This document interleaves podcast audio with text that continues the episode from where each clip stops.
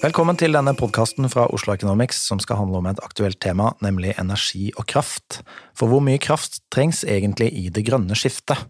Og spørsmål som vi skal prøve å svare på i løpet av podkasten her, er det litt hvorfor strømmen egentlig har blitt så dyr plutselig, og hvor viktig er billig strøm for næringslivet, og hvor mye mer strøm trengs for å gjennomføre dette grønne skiftet. Og til å diskutere dette så har jeg med meg partner i Oslo Economics, Guro Henriksen. Hei sann. Og så er jeg med meg analyst i Oslo Economics, Solveig Barkenhagen. Hello. Hei. For ikke lenge siden la den regjeringsoppnevnte Energikommisjonen fram sin utredning med tittelen Mer av alt raskere, og den drøfta ulike problemstillinger knytta til eh, energisystemet vårt. Og både kraftbehovet i det grønne skiftet og krigen i Ukraina var eh, bakteppet for eh, Energikommisjonens mandat og arbeid. Og som underlag til Energikommisjonens rapport så leverte Oslo Economics en rapport, en underrapport, eh, som du blant annet eh, var med å lage, både Solveig og Guro. Kan ikke du si kort, eh, Solveig, hva det var vi jobbet med i den rapporten der? Ja, vi utredet da kraftforbruket i industrien, og vår analyse tar for seg egentlig tre temaer. Det ene er beslutningsfaktorer for lokalisering av ny industri, og hvilke faktorer som påvirker energiforbruket i eksisterende industri. Og til slutt potensialet for energieffektivisering i eksisterende industri. Riktig. Skal vi spole litt tilbake og starte med hva er bakgrunnen eh, for at vi trenger så mye kraft? Kan du starte med å si litt om det, Goro? Ja. Jeg tror at det er både helt akutte grunner til det, og så er det noen mye mer langsiktige drivere eh, som er årsak til det. Helt akutt er det jo fordi at den største leverandøren av eh, energi til EU har skrudd igjen gasskrana. Og da er det jo logisk at alle andre kilder til energi blir utnytta helt maksimalt. Og det inkluderer også kraft. Men eh, mye mer langsiktig er det nok fordi det viser seg eh, at de fleste tiltak som vi kan gjøre for å redusere klimautslipp, de innebærer i veldig stor grad økt bruk av fornybar energi. Og det er jo de de tiltakene vi gjerne hører om, er jo f.eks. at vi skal elektrifisere bilparken vår, vi skal elektrifisere norsk sokkel. Men eh, når man setter seg litt nærmere inn i det, så ser man også at ja, tungtransporten, bygg- og anleggsmaskiner, jernbane, sjøfart og etter hvert også fly og industri skal jo fase ut alt fossilt drivstoff og alle sine fossile innsatsfaktorer. En del av det kan vi løse med direkte elektrifisering, og det vil jo åpenbart bruke strøm. Men det som ikke kan elektrifiseres direkte, det må kanskje bruke hydrogen eller ammoniakk eller noen andre sånne eh, syntetiske drivstoff, som Solveig kan veldig mye mer om.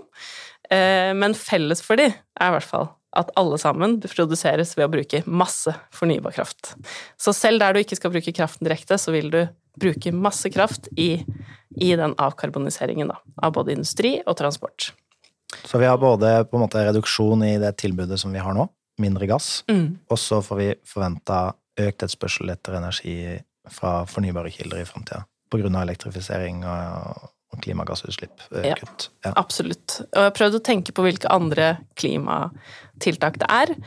Eh, men, eh, og med unntak av å spare strøm, da, eh, eller spare energi, Eh, og kanskje litt sånn sirkulær økonomi, så er det veldig få tiltak jeg kommer på som ikke innebærer leveranser fra vårt fornybare energisystem, da. Du nevnte at det kommer flere nye industrier også. Kan du si litt mer, Solveig, hvilke industrier er det som vi forventer at eh, vil komme mer i framtiden? Ja, det er jo mange av de industriene som trengs for å bidra til denne elektrifiseringen eller klimaomstillingen, som eksempel man trenger mer batterier, så man utvikler en batteriindustri. Og man trenger eh, hydrogen, er jo et eh, hett tema for tiden. Man skal bruke hydrogen som innsatsfaktorer både i transport og industri.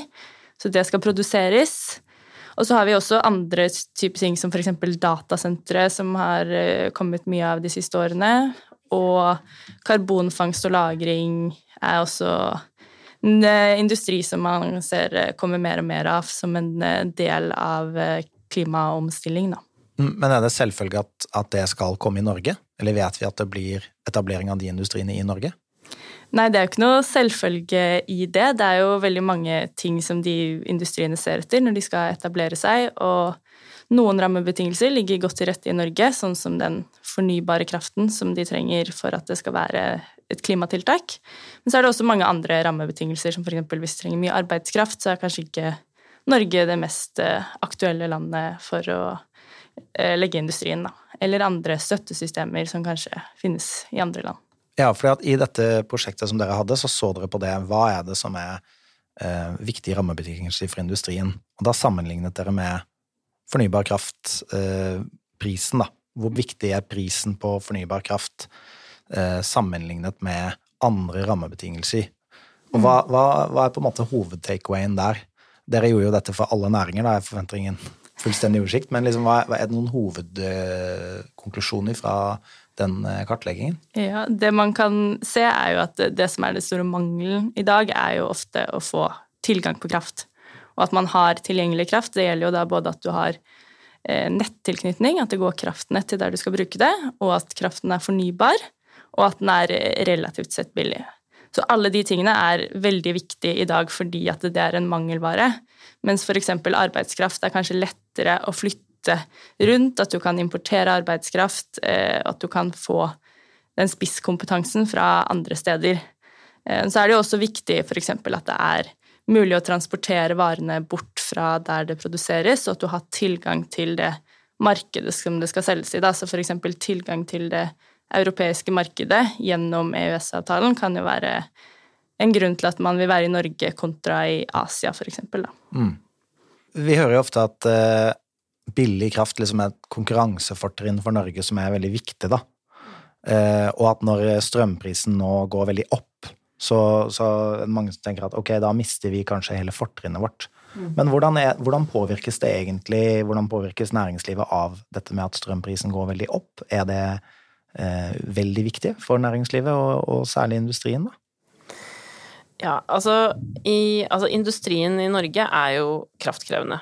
Eh, og den er jo også i ferd med å bli enda mer kraftkrevende, fordi en del av industrien nå elektrifiserer en del av sine prosesser. Og de nye industriene er jo helt klart kraftkrevende. Og kraftprisene har tradisjonelt sett vært et svært viktig konkurransefortrinn for Norge. Både prisen, men også, som Solveig er innom, tilgangen på en sikker tilgang på fornybar kraft, den er helt unik i Norge.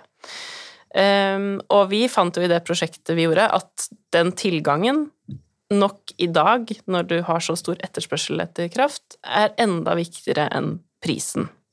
Men det er jo likevel åpenbart at for en kraftintensiv industri så vil kraftprisene være av stor betydning, og særlig i de industriene hvor kraft er den viktigste innsatsfaktoren.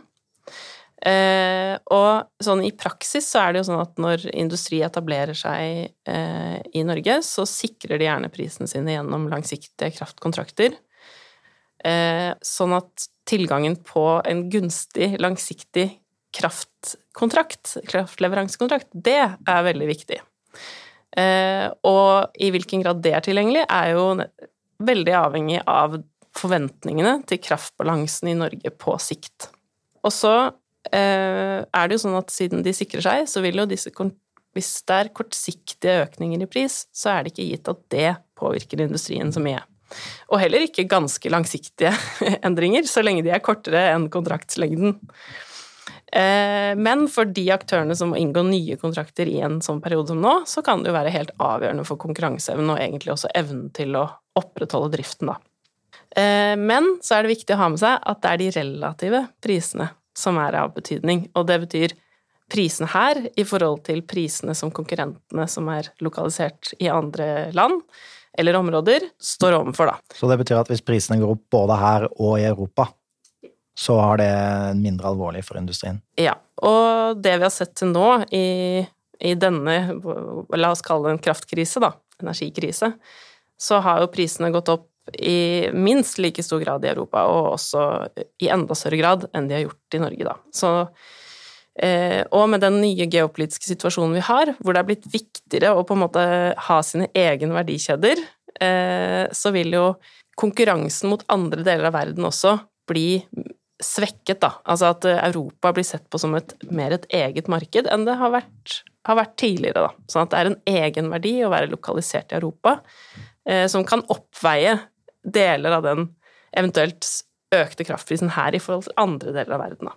Riktig. Så vi i mindre grad enn før, vil du si, kanskje konkurrerer med Asia, f.eks.? Det kan virke sånn. Når vi eh, gjorde intervjuer i forbindelse med det prosjektet vi hadde nå, så, så var det tydelig at eh, aktørene gjerne hadde en helt klar strategi om å etablere seg i EU eller innenfor EØS, hvis de var, hvis de var klar over da, at det også var en del av det indre europeiske markedet. Eh, sånn at den reelle konkurransen var mellom lokaliseringer i Norge og lokaliseringer i andre deler av Europa. Mm. Der er det jo også mye strategi. For eksempel i EU skal man bygge opp en hel verdikjede for batteri. Den skal være inne i EU, og at det da plutselig er en mye større verdi av å produsere innsatsfaktor i EU og ikke i andre, andre land. Da. Riktig. Så det industrien gjør, eh, tenker på alle disse rammebetingelsene. Um, også de som er avhengig av mye kraft, de sikrer seg ved å kjøpe langsiktige kontrakter. Uh, og som du nevnte, så, så, er det da forventningen om hvor mye kraft vi har tilgjengelig, som til en viss grad styrer prisen på hva den kontrakten skal være i lang tid fram, da.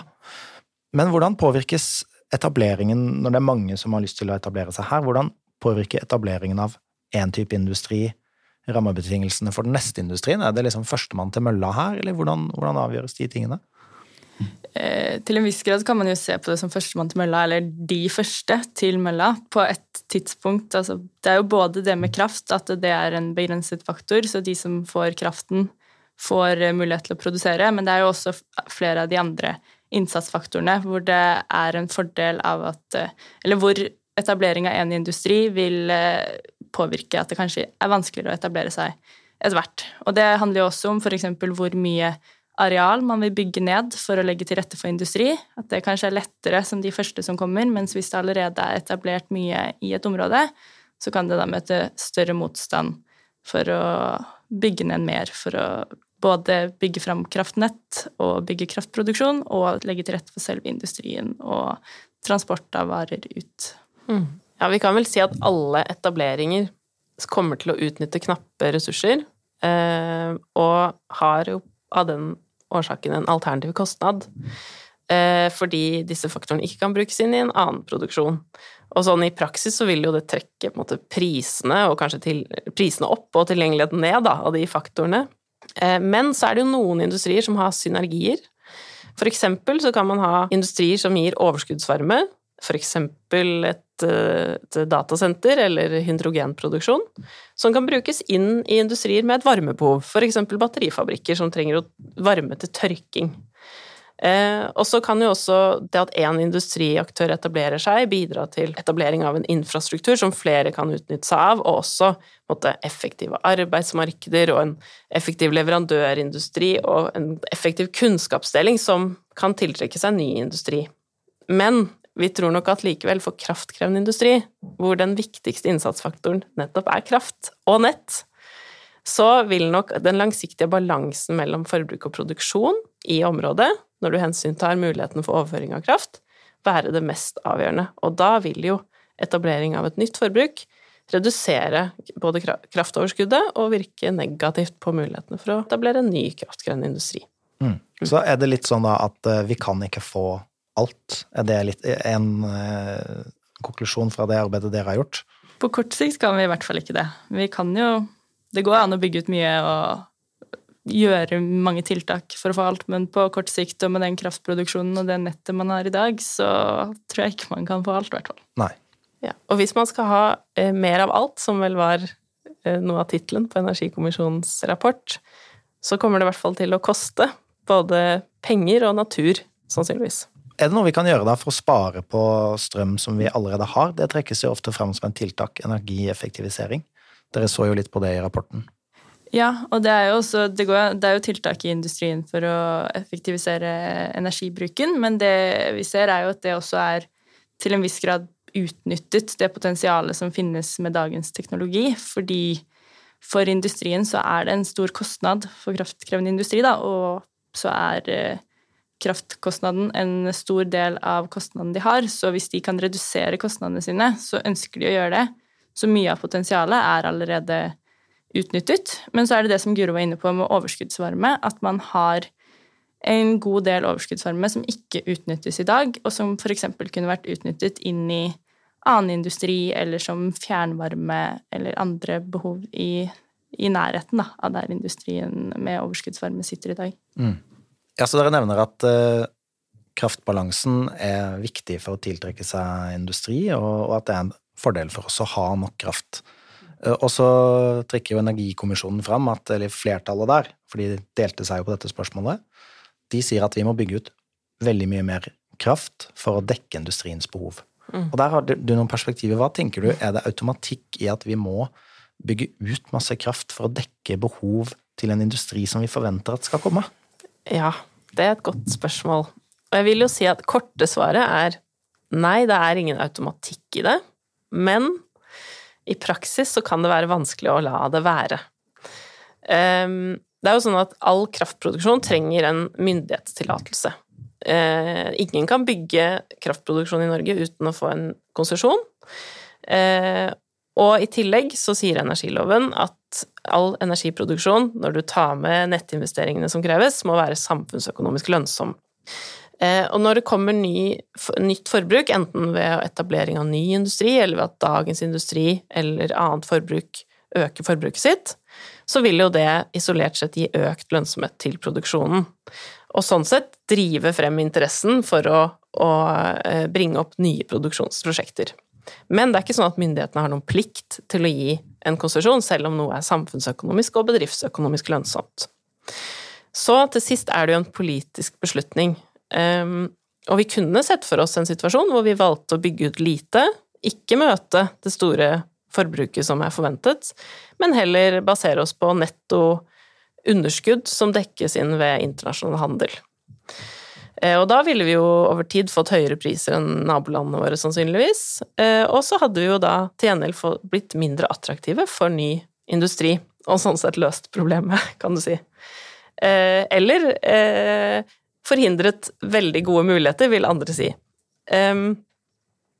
Fordi at utbygging av produksjon og utbygging av forbruk er helt sånn uløselig knyttet til hverandre.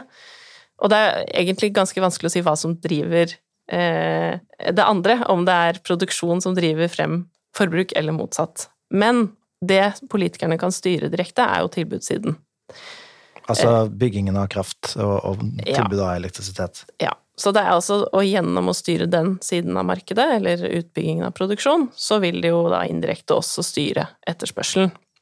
Og så svinger jo da eh, pendelen litt, eller stemningen, om hva som er viktig i samfunnet vårt. Eh, hensynet til næring og verdiskaping, og nettopp det å øke produksjonen i Norge for å legge til rette for det, eh, mot hensynet til natur, naturverdier, friluftsliv og andre, andre hensyn, og ønsket om å bevare uberørt natur. For er det litt sånn at uh, vi kan fortsette å bygge ut og bygge ut uh, strømproduksjon, og så vil det på en måte alltid være etterspørsel etter den produksjonen som vi har bygd ut? På et vis så vil det jo det, så lenge, man, eh, så lenge det er mulig å bruke den. At du f.eks. har nett, nett bygges ut i samme skala som produksjonen. For det vil jo da Det er jo litt det med de relative prisene som f.eks. vil være attraktivt for industrien. Hvis vi bygger ut masse produksjon i Norge, så vil jo Norge få disse kanskje litt lavere prisene enn andre land, men da vil også industrien ønske å, å etablere seg der hvor det da er de relativt billigere prisene. Så da vil man jo bli et attraktivt land for industrietablering, som da vil presse prisene litt opp igjen. Så det vil egentlig være sånn at eh, jo mer vi, til, vi fortsetter å legge til rette for strømproduksjon, og da legger vi rette, legger til rette for industrivirksomhet, og så går det i en evig runddans, på en måte, da. Ja, ja, det blir mer attraktivt hvis du bygger ut mye, og da vil man også få mye ønske om eh, flere og flere etableringer, fordi man er da et attraktivt land. Dere snakket om dette med knappe ressurser. Dere har jo sett litt i andre prosjekter. Hva, er det noen andre begrensninger for hva slags eh, grønne næringer vi kan ha her i Norge? Absolutt, eh, det er det jo. Eh, Solveig nevnte jo noen av de i stad. Arbeidskraft er jo en av de. Det har vi jo ikke spesielt mye til overs av akkurat nå og spesielt ikke kanskje kompetent arbeidskraft, som er eh, relevant inn i de aktuelle industriene. Og så er det jo areal. Alt dette tar mye plass, og det innebærer å bygge ned enten natur eller skog eller landbruksområder som har en annen Alle områder har jo en alternativ anvendelse. Og det er jo der gjerne konfliktlinjene står, nettopp den verdsettingen av de naturgodene eller den andre næringen som må vike for, eh, for å bygge ut eh, kraftproduksjon, strømnett og eh, industri. Og så tror jeg nok at eller i hvert fall i det lange perspektiv ser vi bakover, da, så har nok vi i Norge oftest latt næringsinteressene i form av da kraftproduksjon og industri vinne frem. Vi har veldig gode naturgitte forhold for både energiproduksjon, og vi har liksom lange tradisjoner for å være en stor energinasjon. Og vi kan kanskje si at det er et av våre komparative fortrinn som vi har utnyttet. Eh, og vi har jo også sett at det er vanskelig for politikerne å styre mot et underskudd eh, med høyere priser enn nabolandene våre eh, og dårligere forhold for industrien. Og det har jo også denne regjeringen kommunisert veldig tydelig, at de ønsker å legge til rette for at industrien vår fortsatt skal ha gode rammevilkår gjennom å bygge ut nok kraftproduksjon til å sikre et kraftoverskudd. Og så er jo utfordringen å finne ut hvordan man kan gjøre det uten å gå på bekostning av for mye natur og andre goder som folk er opptatt av. For dette er det jo store konflikter knyttet til, da. Du nevnte at det var liksom eh, en pendel som svingte. Mm.